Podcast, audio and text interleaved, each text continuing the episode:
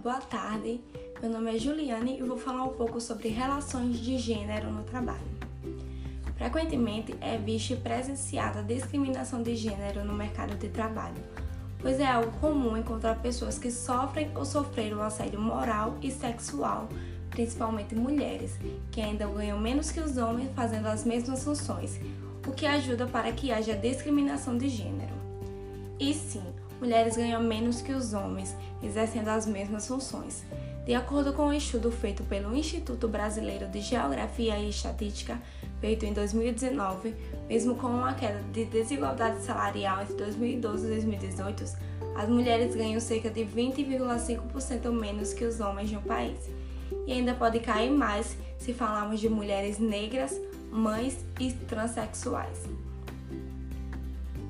Mas, primeiro, o que é gênero? O gênero se refere a tudo aquilo que foi definido ao longo do tempo e que a nossa sociedade entende como papel, função ou comportamento esperando de alguém com base em seu sexo biológico. E o que é a relação de gênero? As relações de gênero referem-se às relações sociais de poder entre homem e mulher, em que cada um tem seu papel social, que é determinado pelas diferenças sexuais. Então vamos voltar um pouquinho na história. A primeira forma de divisão do trabalho foi aos homens, que era a caça, e às mulheres da coleta do fruto e do cultivo da terra. O fato de força deu aos homens assumirem as principais tarefas, assim deixando as mulheres com as tarefas secundárias. Com o passar do século, chegou a Revolução Industrial, dando abertura à mulher no mercado de trabalho. Portanto, a exploração e o pagamento menor que dos homens, a ausência de preocupação com a saúde, já que as condições eram precárias e insalubres. Somente no final do século XIX e no início do século XX é que de fato começou a desenvolver um sistema normativo de proteção à mulher.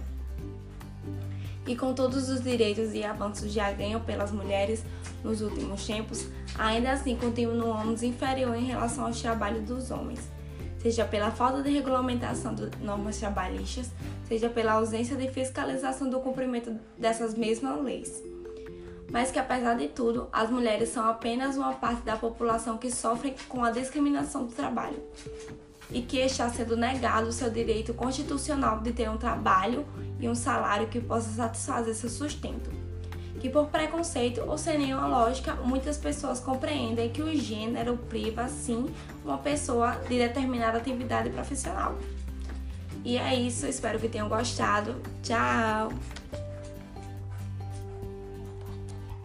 É?